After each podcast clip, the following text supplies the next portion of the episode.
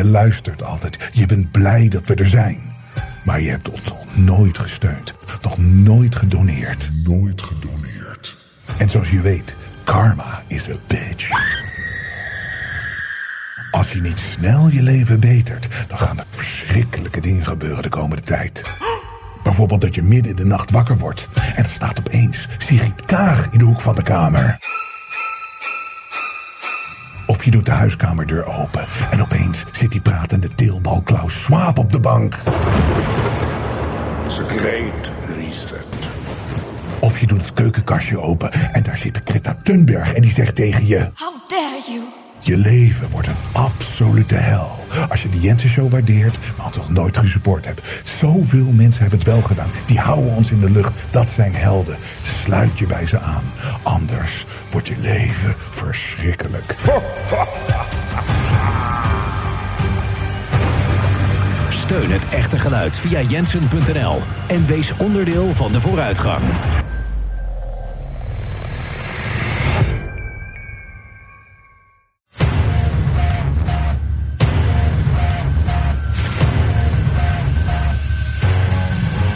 Bruins, krijgt u een briefje in uw handen geduwd? Ja, How dare you? we zijn uiteindelijk pas beschermd als er een vaccin is. We have to prepare for a more angry world. Je vraagt je af, gebeurt dit echt? But you don't have a choice. People act like you have a choice. You're not going to get COVID if you have these vaccinations.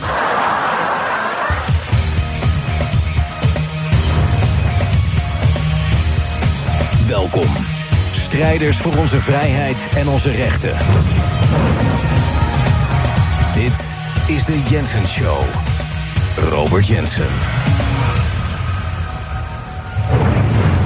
Ik wil jullie even allemaal bedanken voor de fantastische berichten die ik gekregen heb. Naar aanleiding van onze eerste uitzending naar onze break weer. En uh, ja, echt uh, fantastische reacties. Uh, zie heel veel mensen zo blij. Of eigenlijk iedereen zo blij dat we er weer zijn. En dat we doorgaan. En dat we inderdaad sterker dan ooit doorgaan. Dus dank voor al jullie reacties. Ook bedankt voor het aanschaffen, het kopen van de sterker dan ooit shirt. Of hoodie of sweater. in de Jensen shop. Ga naar jensen.nl. Want we zijn sterker dan ooit in 2023. En hiermee support je ons ook. En dat hebben jullie ook al gedaan. Ik kan niet wachten op de foto's van mensen die dit fantastische shirt uh, of, uh, of trui deze koude dagen uh, aan hebben. Dus bedankt voor jullie support. En we hebben het nodig, maar we gaan door. En voordat we heel belangrijk nieuws gaan bespreken, wil ik even één e-mail. Ik heb weer heel veel e-mails gekregen de afgelopen dagen. En deze wil ik er even uitlichten, want die is wel interessant en die sluit ook aan op wat ik hierna ga doen. Hoi Robert, naar aanleiding van de aflevering van gisteren over je bezorgdheid over de inkomsten die helaas belangrijk zijn. Ja, helaas. Ik heb het systeem ook niet verzonnen dat, dat, je, dat je geld nodig hebt om dingen te financieren. Het is, het is, het is verschrikkelijk, maar het moet. Het is uh, a fact of het leven op dit moment hier gewoon in het aardse. Um, maar dus um, die, het is helaas belangrijk. Maar ik kwam op een idee. Ik dacht vanochtend om vijf uur ochtends. Wat zou ik doen als ik Robert was? Wat ik heel aan de, uh, ja, lief vindt dat iemand om vijf uur s ochtends daarmee bezig is. Maar aangezien je onafhankelijk werkt en niet op een platform, heb je een voordeel. Dat is namelijk dat, je, dat jij onder je eigen condities mensen kunt laten abonneren als betalende vrijheidsstrijder. En je kunt het precies zo makkelijk en mooi maken als je zelf wilt. Geen commissie en geen beperkingen zoals op platforms. Om de kijkers te houden en te groeien, doe je twee keer in de week uh, je show, die iedereen zonder kosten kan kijken, zoals altijd. En op een premiumavond, vrijdag of zaterdag, kan je dan alleen mensen laten kijken die geregistreerd zijn met een incasso-abonnement. Mensen kunnen uiteraard ook voor een jaar vooruit betalen en andere offers die je zelf kunt bedenken. Een vrijheidsstrijder-abonnement. Dus zo'n derde show uh, tegen betaling.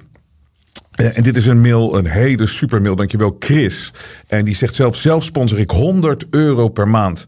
Uh, maar dat kan, kan helaas niet iedereen. Je moet het van de massa en je bedrijf hebben, denk ik. Dat klopt inderdaad. En maar 100 euro per maand is fantastisch. Dat, dat kan via petje, petjeaf.com. En dat is ook de link op de site. Daar kun je je maandelijks abonneren. En 100 euro per maand, dan ben je inderdaad Jensen enlightened. Met andere woorden, Jensen verlicht. En dat ben jij dus, Chris. Maar dankjewel. En inderdaad, je zegt, dat begrijp ik ook. Weet je, niet iedereen kan dat. En uh, dat is ook zo. En inderdaad, uh, we zijn blij met echt, echt alles en iedereen die het waardeert wat we hier aan het doen zijn. Uh, maar bedankt voor je mail en je suggestie. Er, staat meer in. Maar ik wil daar eens eventjes even een punt van maken. Dat inderdaad, ik heb daar ook wel eens over nagedacht. Moet ik inderdaad twee shows gewoon vrij open doen? En dan eentje inderdaad met abonnee-service of weet ik veel op een andere manier. Om extra inkomsten te genereren. En ik heb daar uh, met een aantal vertrouwelingen over gesproken. En uiteindelijk uh, was het overduidelijk, en ook bij mij ook, dat dat gaan wij niet doen. Want wat wij hier doen en wat ik doe. Het moet in de openheid. Alles moet openbaar. Het moet niks moet achter gesloten deuren of, of vergrendeld of wat dan ook. Want de informatie die wij hier delen en waar we het hier over hebben, dus ik heb het over het vrije geluid, het vrije woord, is niet meer te vinden in de mainstream media. Het bestaat niet. En daar heb ik zo weer fantastische voorbeelden over. Van hoe dat spel daadwerkelijk in elkaar steekt. En hoe erg het geworden is. En hoe erg het nog gaat worden.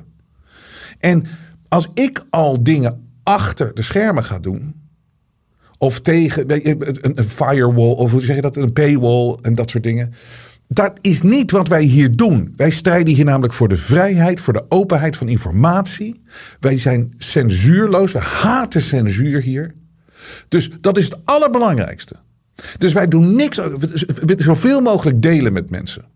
En dat is ook de les van de afgelopen jaren voor mij geweest. Hoe goed het is om met zoveel mogelijk. We hebben zoveel mensen gehad die, die, mij uitgescholden hebben. Ook in het begin van de Kiona-tijd. En die nu onze grootste fans zijn. En uh, die groep is zoveel groter geworden. Maar dat is alleen maar door het delen van informatie die je anders nooit gekregen had. En ik ga dat niet achterhouden. Informatie, de vrije uh, uh, flow of information. Die moet gewoon vloeien. Natuurlijk. En naar buiten toe. En open. Daar moet niets tussen zitten. En dat is het allerbelangrijkste wat wij hier doen. En dat zullen wij hier tot de laatste snik doen. Dus je is, rest, je is super intelligent. Je bent een hele bright man. Eh, en dat vind ik fantastisch. En ook bedankt dat je zo support. Maar die vrijheid van informatie, dat is het allerbelangrijkste. En dus zijn we gewoon afhankelijk van de waardering die mensen daarvoor geven. En zo gaan wij verder. Want de, de informatie die, je krijgt. Ik heb het natuurlijk. Ik was even een paar weken. Was ik er niet. Maar dan. De eerste week sluit je een beetje af. En dan ga je weer eens een beetje kijken. En dan kom je er achter hoe dom het allemaal is. En hoe slecht het allemaal is. En ondanks het feit dat ik me hier mijn leven van maak. En dat ik het volg en alles in de gaten hou. Als je een beetje afstand. Als ik met afstand. zie je nog hoe belachelijker het allemaal is. En hoe fake het nieuws is. Wat gebracht wordt met een toontje alsof het echt is. Het is echt belachelijk. Dus wij leven hier van de waardering van de mensen die dat waarderen en die dit uh, uh, financieel willen supporten. En zo gaan we dat doen tot de laatste snik. En wat zo erg is, is dat het zo onder druk staat. Dat je merkt, het fragment wat ik afgelopen maandag ook uitzond van Klaus Schwab die dan echt uh, aan zo'n uh, Japanse onafhankelijke journalist uh, vraagt van which media company you work with? En zij zegt I'm an independent journalist. Oh, independent. Je ziet gewoon dat zij niemand te woord staan. Tenzij ze mensen van de gecontroleerde media die ze in de pocket hebben, die ze zelf sturen, die ze zelf aan de hand hebben. Deze griezels, de, het kwaad van deze wereld, gebruikt de media niet zozeer als informatieverstrekking of als propaganda, dat ook allemaal. Maar in essentie wordt de mainstream media gebruikt als het psychologische wapen tegen de mens. En daarom is het zo belangrijk, die vrije uh, informatiestroom. Zo belangrijk. En de echte informatie. En mensen die openlijk kunnen praten over dingen. En dat is wat wij hier doen. En laten we het nou nog maar eens een keertje hebben over het mediavirus. Want ik heb een paar prachtige fragmenten of en voorbeelden van wat er zo niet klopt aan die zogenaamde journalistiek.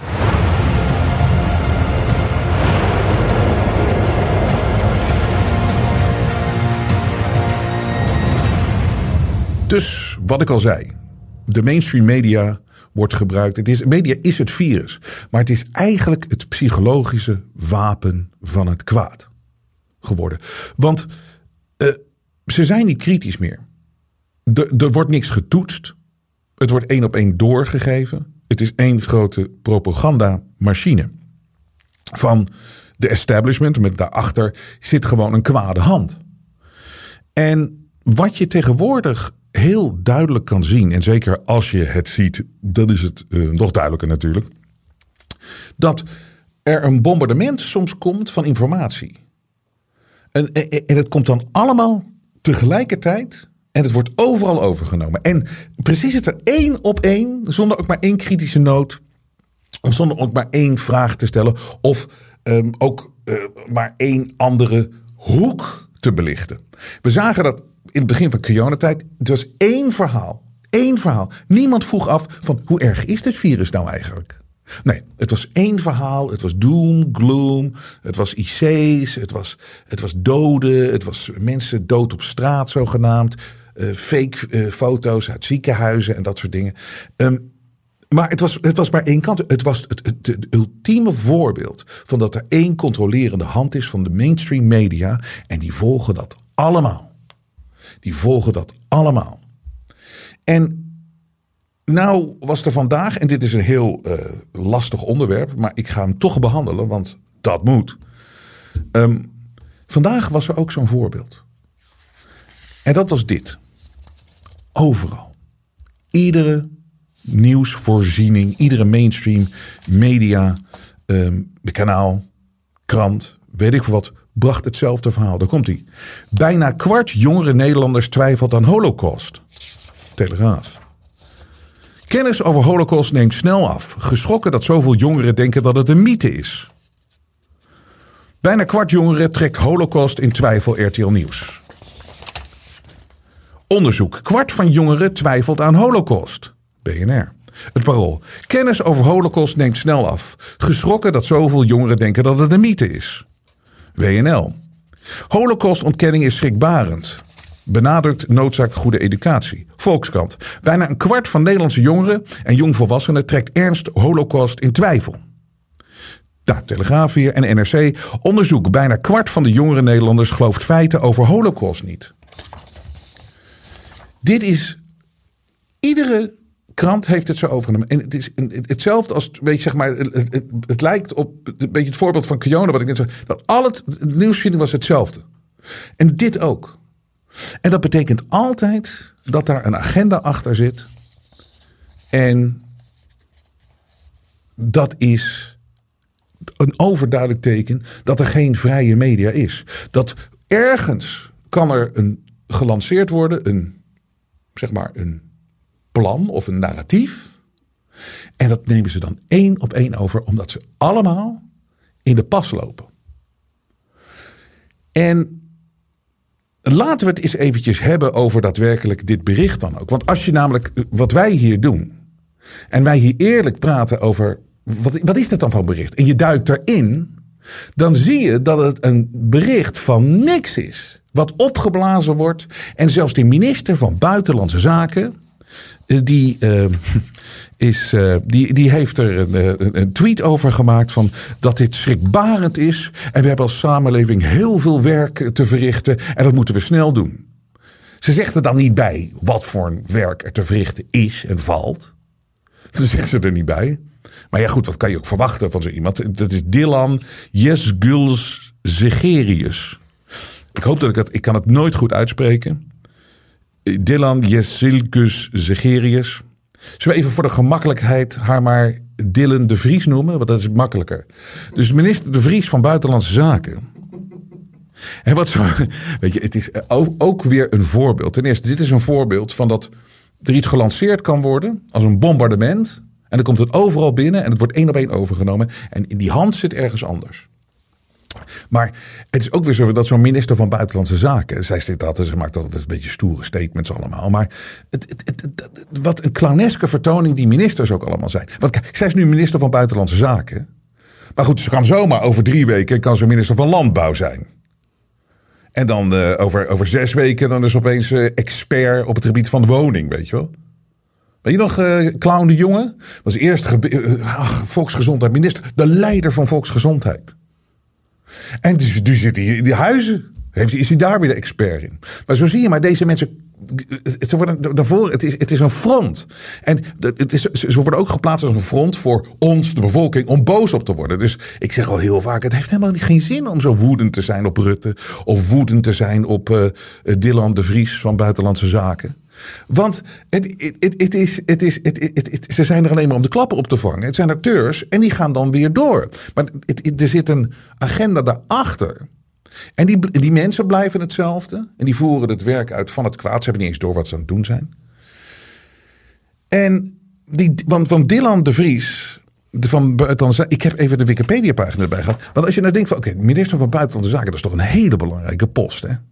Dus dan denk je van, wow, die, die, moet een hele historie hebben. Met, dat ze over de hele wereld gewerkt heeft. Dat ze precies weet van hoed en rand. Dat ze overal ter wereld weet van hoe de, de, politieke situaties liggen. Dat ze daar een visie over ontwikkeld heeft. Want ze is, ze is, ze is, is minister van de. Oh, nee, is van Justitie en Veiligheid is ze. Klopt dat? Oh, ik zeg buitenlandse zaken. Ik, ik, heb, ik heb me vergist. Minister van Justitie en Veiligheid. Maar goed, het, het, het is hetzelfde verhaal. Kijk, zij kan morgen kan ze op de minister van Buitenlandse Zaken zeggen. Het maakt niet uit. Het maakt echt niet uit. Justitie en veiligheid. Ik, ik herstel. Excuses. Hè? Als ik een fout maak, dan, eh, dan geef, ik dat, uh, geef ik dat toe. Maar ze is minister van Justitie en Veiligheid. Maar ik neem deze mensen niet serieus. Want nogmaals, uh, ze zitten morgen weer ergens anders. Want kijk nou eens even, wat is haar dan, wat is haar verleden als het gaat om justitie en veiligheid? Wat is dat nou? Even kijken, je zou toch denken dat zij heeft uh, gestudeerd uh, in, deze lijn of zo, op zijn minst. Nee, want zij, ze studeerde sociaal-culturele wetenschappen aan de Vrije Universiteit Amsterdam. Ik zit nog steeds te kijken waar haar jarenlange ervaring en expertise is uh, binnen het ministerie waar ze nu verantwoordelijk voor is. En waar wij naar moeten kijken alsof zij de leider daarvan is. Nou, daarna werd ze bestuursadviseur van het college van burgemeester en wethouders in Amsterdam. Ja, nog steeds niet eh, met in, midden in de maatschappij staat, je, werk, je precies weten hoe, hoe, van de hoed en de rand hoe het allemaal zit en dat soort dingen. Alleen maar vanuit een soort van vage bestuurlijke functies. En dan voor de rest, en daarna is zij. Wat? Ze was commentator voor Studio Pound van Omroep Pound. Nou ja, goed. En raadslid. Ze zette zich in voor het, strafbaar stellen van straatintimidatie van vrouwen en LHBT'ers. Maar niks, niks. Dus die kan morgen werken. Dus ik zeg het is een voorbeeld van wederom dat dat maar een buitenkant is. Het heeft geen zin. Mensen die nog steeds zeggen van ja die Rutte die moet nu echt oprotten. Ja, wie denk je dat dat dan komt? Maar dan even daadwerkelijk dat bericht wat nu als een bombardement over ons heen gegooid wordt. Ik kom eerst eventjes met het inhoudelijke verhaal. Um, en dit is heel belangrijk omdat het gaat over de holocaust. En weet je, het, mensen kunnen niet wachten om te zeggen, wat, met het vingertje te wijzen. Ach, die antisemitisme naar mij toen Jensen antisemiet en dat soort dingen. Ik moet mijn standpunt hier eventjes over uh, duidelijk maken. Hoe ik hier naar kijk. Want zoals heel veel dingen heb ik, dit, heb ik hier heel lang over nagedacht. En ik heb dit bestudeerd. En eh, vanuit het startpunt, wat ik al eerder zei, er, is, er zijn dingen die, van, van jongs aan, mijn generatie en ook andere generatie, die Tweede Wereldoorlog ligt zo gevoelig en de Jodenvervolging ligt zo gevoelig, de Holocaust, dat als je er al een vraag over stelt van hoe zit het nou echt of wat is er echt gebeurd, dan gaat er automatisch, of ging er altijd bij mij automatisch, oeh, daar mag ik helemaal eigenlijk niet over nadenken. Herken je dit? Dat er dingen zijn waar je geen. Voor, binnen jezelf. Binnen jezelf. Waar je jezelf remt van. Oh, daar mag je geen vragen over stellen. En het belangrijkste in het leven is. Als je wil groeien en als je wil kijken naar hoe dingen echt zijn. Om daardoor overheen te stappen en dat te doorbreken. En wel gewoon met een open mind te kijken van wat is hier gebeurd en wat is er aan de hand. En wees niet bang voor dat stemmetje wat tegen je zegt van daar mag je niet vragen over stellen. Dat mag niet. Want dat is namelijk wat je aangeleerd is.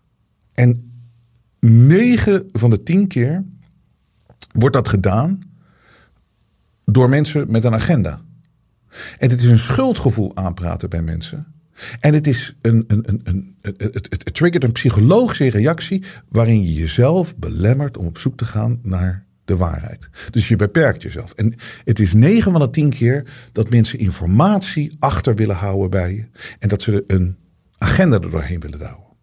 Nou, zo is het bij die Tweede Wereldoorlog en, uh, en, en uh, de Holocaust en dat soort dingen. Het, het, zat er gewoon ook bij mij zo diep in dat je dat nooit eens een keer mag bespreken of mag uh, onderzoeken of hoe het nou echt zit. Het mag niet. Het mag niet.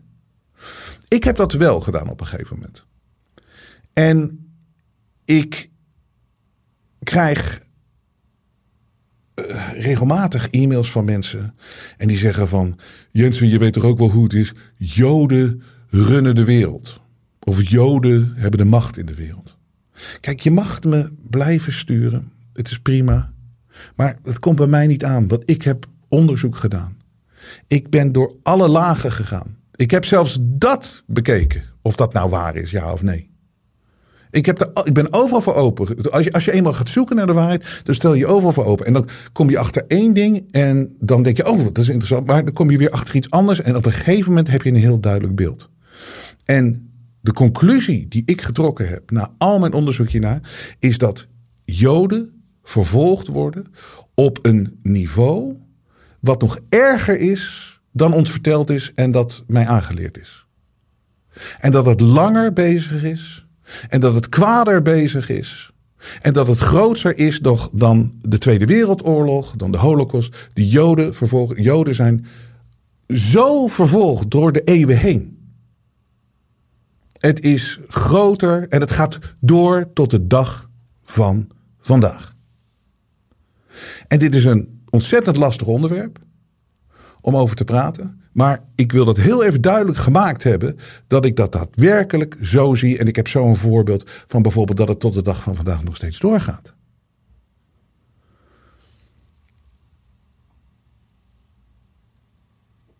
De Joden runnen de wereld niet.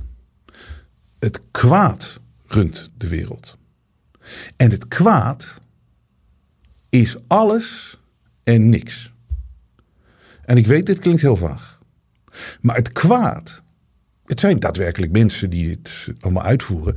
Maar daar, dat, dat zijn christenen, dat zijn katholieken, dat zijn uh, zwarte mensen, dat zijn witte mensen, blanke mensen. Het zijn homo's, het zijn hetero's, het zijn joden, het zijn.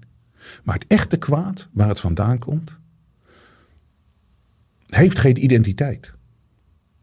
Het echte kwaad past zijn identiteit aan wat nodig is om het kwade doel te bereiken. Dus het past de identiteit aan. En als mensen dat nou eens zouden zien, dan zien ze dat wij met z'n allen ook zo bespeeld worden, omdat wij ons allemaal een, onszelf een label geven. En zo worden we door het kwaad constant tegen elkaar uitgespeeld. En het kwaad identificeert zich met het label om het voor elkaar te krijgen dat wij tegen elkaar opgezet worden. Dus ene keer uh, uit het kwaad zich tegen donkere mensen, dan tegen ongevaccineerde mensen. Dan kan het ook weer zo tegen gevaccineerde mensen zijn. Dan kan het tegen homo's zijn. En dan kan het weer voor homo's zijn. Dan kan het weer uh, tegen, uh, tegen vrouwen zijn. Of dan kan het weer voor vrouwen zijn. Dan kan het weer voor mannen zijn. Dan kan het weer tegen mannen zijn. Het gaat er alleen maar om om ons constant in conflict met elkaar te brengen. Dat is het echte kwaad. En het, het lukt ze zo goed. Want bijvoorbeeld hier, zo'n zo'n bericht als dit. Bijna kwart jonge Nederlanders twijfelt aan holocaust, uh, De Vries geschokt. Jelzikos, Jelzikos geschokt. Wat brengt zo'n bericht als dit? Wat brengt dit nou teweeg? Nou, ten eerste dat de Joodse gemeenschap hiervan schrikt en, en bang natuurlijk wordt. Dus wederom, na zo lange tijd, ach, constant uh, uh, opgejaagd door de eeuwen heen. En nu weer geschokt, want oké, de, de de, de, de, omgeving is weer vijandig aan het worden. En zelfs de jonge mensen zijn vijandig geworden. Wat het met de jonge millennials doet, en daar komen we zo op, namelijk het hoge bullshit gehalte van dit bericht, wat alleen maar ons weer tegen elkaar opzet wat de jonge millennials dan eh, zullen hebben. Van, oh, ja, maar uh, ik, ben helemaal niet zo en dit is helemaal niet waar. En dan word ik in die, in die hoek gedaan. Ik heb helemaal geen hekel aan Joden en dat soort dingen. Dus die, die schrikken ook weer af. Dus je hebt een bange, je hebt een afgeschrikte en, en die, die worden meer timide. Dan is er ook een groep die zegt van.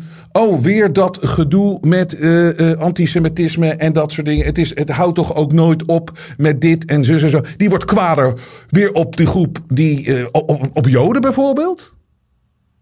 Een andere groep gebruikt het weer van. Ja, er is altijd gezeik daar. En dat ze, terwijl. Wat is nou de waarheid? Wat is nou de waarheid? Wat is nou je ziet wat het teweeg brengt. En dit is hoe wij constant tegen elkaar uitgespeeld worden. Het is omdat wij onszelf ook constant laten identificeren. En iedereen die denkt van, heel trots zegt van, ach, ik ben vrouw, weet je wel. Ja, maar wacht maar. Je kan even denken dat de wind in je zeilen zit, omdat er constant staat van, uh, oké, vrouwen zijn, uh, uh, die moeten meer kansen en vrouwen dit en vrouwen dit. Nou, dat is ook zo waar. Wij als vrouwen, wij als vrouwen. Maar wat krijg je dan opeens? Komt opeens een trans movement. Van ja, vrouwen bestaan niet echt, want uh, ook mannen kunnen zwanger zijn. En de vrouw zei: Hé, wat? Hé, dit, hè? Dus iedere keer wordt er een groep opgebouwd. En dan wordt er tegenover weer eens een keertje iets gezet wie, die dat gaat challengen. Maar onze fout is iedere keer dat we ons identificeren met een label. En of dat nou Joods is, of of dat nou christen is, of of dat nou man is, of of dat nou vrouw is, of dat nou hetero, homo, of zelfs trans.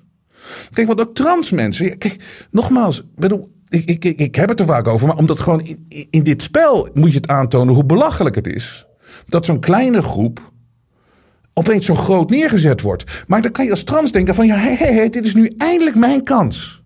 Maar het moment dat je zo denkt, ik zweer het je, ze brengen je ook straks weer omver. Het gebeurt met ons allemaal omdat dit is hoe het werkt. Verdeel en heers. En dat is het kwaad. En het kwaad heeft geen identiteit. Het kan dus, het kan, het, het, aan die gasten kunnen zich voordoen voor wat ze willen om te bereiken wat ze willen. En dat is alleen maar clashes en dat is alleen maar verschrikkelijke uh, clashes tussen mensen.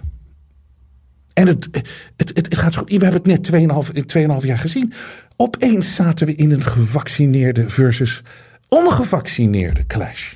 Dat had je toch, niet, had je toch nooit kunnen denken? Je had mensen zoals Johan Derks op tv. Mensen moeten buitengesloten worden van de maatschappij. We moeten verplicht, riepen mensen, verplichte vaccins. En anders mag je niet meedoen met dit en zo en zo. En we hebben een, de president van Amerika zei: we hebben een pandemie van de ongevaccineerden. Met andere woorden, een hele grote groep zwart maken. Het zette weer de groep gevaccineerden tegen de ongevaccineerden. Het kwaad gaat maar door. En het, heeft, het maakt niet uit wat het is en wie het is. Ze nemen de vorm aan die nodig is om voor elkaar te krijgen dat wij constant clashen. Omdat weet je wat, weet je wat uh, hoe mensen zijn? Ik ben ongevaccineerd. Ik ben gevaccineerd. Waarom ben je dit? Het is wederom, je labelt jezelf. We geven ze constant de macht en ze weten dat, ze zijn psychologisch briljant, om ons tegen elkaar uit te spelen. En dat is het echte kwaad. En dat is het echte kwaad. Maar als je nou kijkt, en dan kom ik, en maak ik mijn punt van, van, van hoe Joden vervolgd worden en ook gebruikt worden constant in, in, in dit spel. En natuurlijk, binnen iedere groep, en dus ook binnen de Joodse groep, zijn er ook kwade mensen. Want die hebben ook zoiets. We worden altijd opge. En het komt door hun, het komt, die wijzen ook constant. En zo gaat het maar namelijk uh, door. En het enige wat het resultaat wat is, we zitten constant in een clash met elkaar. Maar als je het hebt. Ik heb gekeken en iedereen, moet je nagaan. Dan heb je dus meegemaakt de Tweede Wereldoorlog, afgrijzelijk. En dan wordt er dus een staat Israël gecreëerd. En het wordt gezegd tegen Joden: dit is een veilige haven. Kom hier naartoe. Het gaat niet gebeuren wat jullie allemaal is overkomen het verschrikkelijke in de Tweede Wereldoorlog. Dus er wordt Israël gecreëerd. Maar waar wordt dat gecreëerd? In het Midden-Oosten, in een plek waar andere mensen al wonen. Dus dat, dat, dat, dat is een natuurlijke, dat is geen s- eh, safe haven. Dat is, dat is een natuurlijke clash. En dan kan je zeggen van ja, het, eh, hè, dat zeggen sommige mensen van ja, het, het is ons beloofde land, het hoort bij ons. Er zaten al. Er woonden andere mensen. Als je daar gaat zitten, dan krijg je een clash. En zeker als je het zo gaat opbouwen. Dat is gewoon een feit. Ik bedoel, dat. Dus, dus in hoeverre is dat dan een veilige haven? Maar oké, dan creëer je dat daar. En uiteindelijk zit je dan weer in een soort van oorlogssituatie. Want dat zien we al sinds de jaren, eh, weet ik wel, zolang ik leef. Altijd op het nieuws. Israël, bombardementen hier, dit, zo, aanslagen daar. In hoeverre is dat nou zo veilig? Dus in hoeverre heb je daar een, een, een land gecreëerd wat veilig is voor Joodse mensen die al zo lang opgejaagd worden? En het beste voorbeeld heb ik de afgelopen twee, van de, van de afgelopen, heb ik de afgelopen tweeënhalf jaar gezien. Hoe erg het was in Israël met COVID en eh Kiona en met de vaccinaties. En dat je zelfs op het strand, hebben ze teruggedraaid later, maar ze hebben het wel eerst gedaan. Een plek voor ongevaccineerden en gevaccineerden. In Israël. Een van de dingen uit de Nuremberg eh, rechtszaken was dat je mag nooit medische tyrannie loslaten. Nooit medische experimenten doen op mensen. Je mag mensen nooit gebruiken voor een medisch experiment. Wat de nazi's deden. En luister nou eens. Luister eens naar Benjamin Netanyahu. Die is nu weer de leider van Israël. Af en toe wordt zo iemand weggezet, komt er een andere griezel. En dan komt nu Netanyahu weer terugkomen. Een interview met Netanyahu. Moet je nagaan, dan heb je een veilig land gecreëerd voor de Joodse mensen. En wat doet het leiderschap? Wat doet het leiderschap? Die gebruikt de bevolking als experiment. En het maakt hem niet uit, hij geeft het gewoon toe. Luister naar deze doodenge woorden van Benjamin Netanyahu. We came out of COVID first. I described that in my book, My Conversations with Albert Bourla, Pfizer. And I persuaded him to give tiny Israel uh, the, the necessary vaccines to get us out first from the COVID. And the reason I could do that is because we have a database. 98%, a medical database. 98% of our population has digitized medical records and little card. And anywhere you go in any hospital in Israel, north, south, doesn't make any difference. Boom, you punch it in and you know everything about this patient for the last 20 years. I said, we'll use that to tell you whether these vaccines, what do they do to people, not individual people, not with their individual identities, but statistically, what does it do to people with, uh, uh, you know, with, uh, meningitis? What does it do to people with high blood pressure? What is it? You know, you want to know that. So Israel became, if you will, the, the lab for Pfizer. Israel became the lab for Pfizer. De bevolking van Israël, die zou moeten leven in een, op een veilige plek, wordt gewoon gezegd. Er wordt gewoon gezegd: we, jullie zijn gewoon experimenten voor Pfizer. Voor het kwaad. Dus dit is wat ik bedoel met tot op de dag van vandaag gaat het maar door. Maar hier is ook een ding. We hebben de afgelopen 2,5 jaar, als we dat nou eens met z'n allen zouden realiseren. Als we elkaar niet zulke labels opplakken. En elkaar niet en ook voor jezelf niet. Je ziet dat we allemaal achterna gezeten worden. Je ziet wat ons is aangedaan. En mensen zullen nog steeds zeggen dat ik overdrijf. Maar dan heb je echt niet je ogen open gehad de afgelopen 2,5 jaar. Dus ik moest dit punt eventjes heel sterk maken. Want ik ga namelijk het. Want het is zo makkelijk om mij in, in een bepaalde hoek te douwen. Niet dat ik daar bang voor ben. Het interesseert me allemaal niet meer. Het interesseert me echt allemaal niet meer. Maar hier komt het. Dus dat artikel is bijna kwart jongere Nederlanders twijfelt aan holocaust. Oh, geschokt, we moeten er wat aan doen. Oh, nou krijgen we weer het sfeertje dat nu zijn alle millennials zijn, uh, antisemitisch. Bijna een kwart twijfelt aan de holocaust. En dan ga je eens eventjes kijken. En kijk, ten eerste, dat is natuurlijk absurd. Want iedereen die de millennial generatie kent, dit is de meest woke, meest uh, ongelooflijk. Uh, uh, mensen die, die accepteren alles, die, die zijn kleurenblind, die zijn religieblind, die willen gewoon op één wereld met z'n allen. Zo, zijn, zo zitten ze in elkaar. Het is absurd dat die generatie, dus een kwart, dit allemaal in, in twijfel trekt. Maar als je het artikel namelijk goed leest, leest is het ook helemaal niet zo dat een kwart twijfelt aan de holocaust. Het is alleen, krijgen we de juiste informatie erover? Ah, nou, daar kan je vragen over stellen. Want mij is altijd geleerd, bijvoorbeeld, dat eh, de 12 miljoen Joden in, in dat is mij, van, op school 12 miljoen Joden zijn gestorven in concentratiekampen. Dat is niet waar.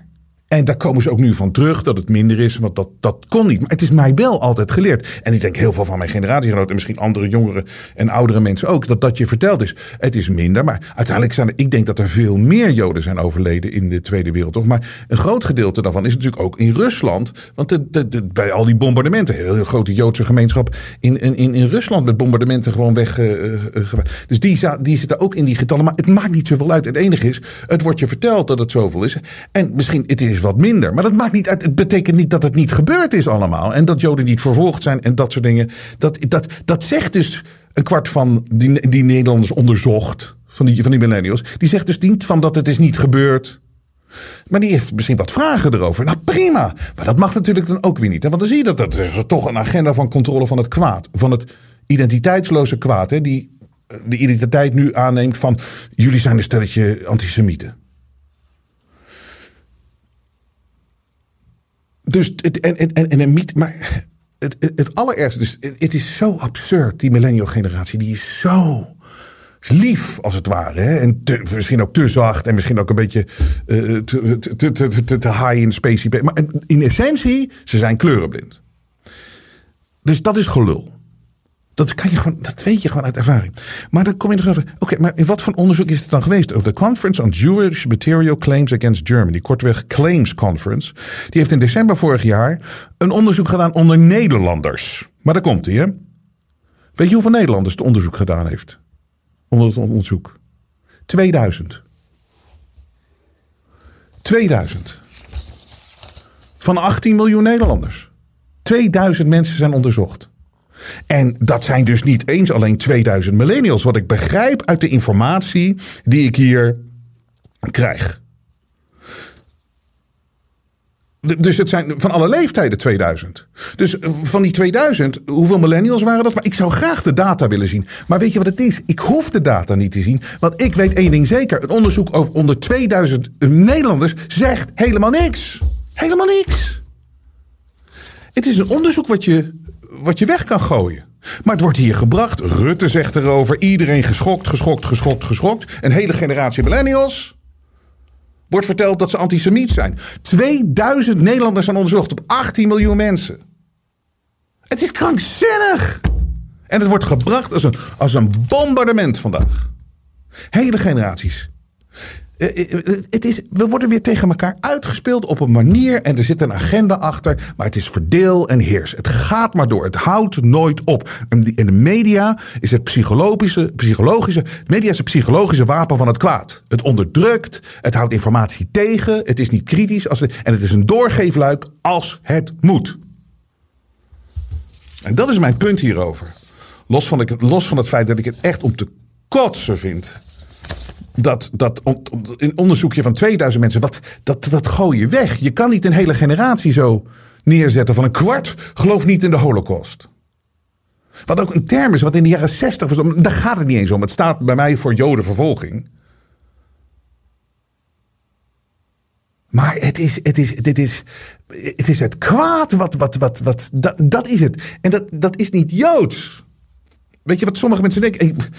Ik, ben dat, ik, ik, ben, ik ben dat zat. Omdat ik vind. Je, hebt het niet meer onderzocht hoe dat nou echt zit. Wat is het kwaad?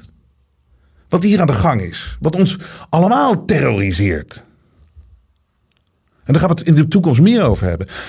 Maar nog een, vier, uh, nog een, uh, een, voorbeeld van hoe het media werkt tegenwoordig. Het is namelijk niet, dit was dan Nederland. Hè? Even een bombardement. Out of the blue dit was toen wij weg waren, toen we even op de break waren. Opeens dit in het nieuws. 70.000 kinderen hebben mogelijk astma-symptomen door koken op gas. Nou, dat kan natuurlijk makkelijk wegwuiven als je dat leest in Nederland. Van de. Uh, weet je, dus natuurlijk ook, ja, ze willen ons van het gas af. Dit is propaganda. Dus nou ja, oké, okay, weet ik wat. Maar het stond dus overal. 10.000 kind, kinderen hebben mogelijk astma-symptomen door koken op gas. Oh, Hans, gooi alle aanstekers weg. Zet het gasfornuis uit, Hans. De kinderen hebben astma van het gasfornuis, eh, Hans. Dat is natuurlijk een reactie die ze willen. Astma-symptomen bij tienduizenden kinderen door koken op gas. Zo'n 15.000 kinderen in ons land, dit is België, hebben mogelijk symptomen van astma door koken op gas. Nou, dan denk je van, is ook weer zo'n zo'n propagandabom. En dan dan weet je, er zit een agenda achter.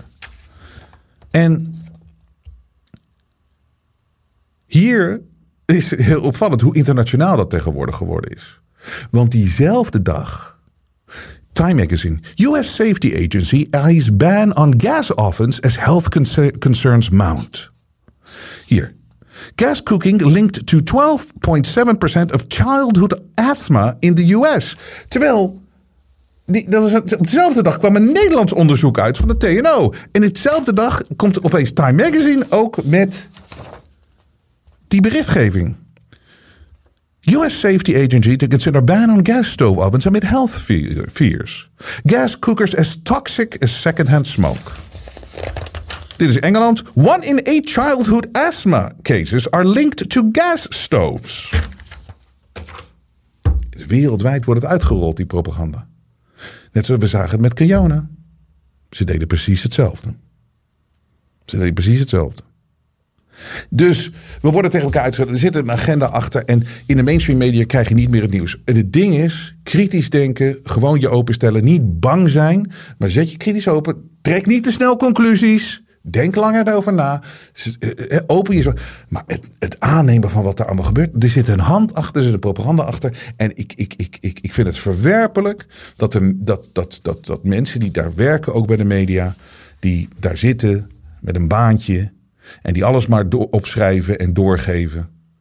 En eh, die zitten dan, omdat ze zo'n baantje hebben bij de krant, zitten dan in zo'n café in, in Amsterdam. Met zo'n vies glas Pinot Grigio, die waarschijnlijk gekurkt is, maar ze proeven het niet. Dan zitten ze daar. "Hm, Ze hebben het helemaal voor elkaar hier. Er is geen, er wordt niks meer kritisch bekeken. Maar waar ik achter ben gekomen is daadwerkelijk het kwaad heeft geen identiteit. Het kan een identiteit aannemen om iets voor elkaar te krijgen. Maar het goede, wat er ook is in de wereld, is ook identiteitsloos. Alleen dat moeten we meer omarmen. Tuurlijk, we kunnen doen wat we doen, maar in essentie zijn we allemaal één. En dat is goed.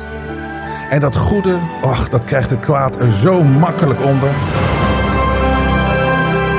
De media toont zijn ware gezicht. Maar Robert Jensen buigt voor niemand. Steun het echte geluid via jensen.nl en wees onderdeel van de vooruitgang.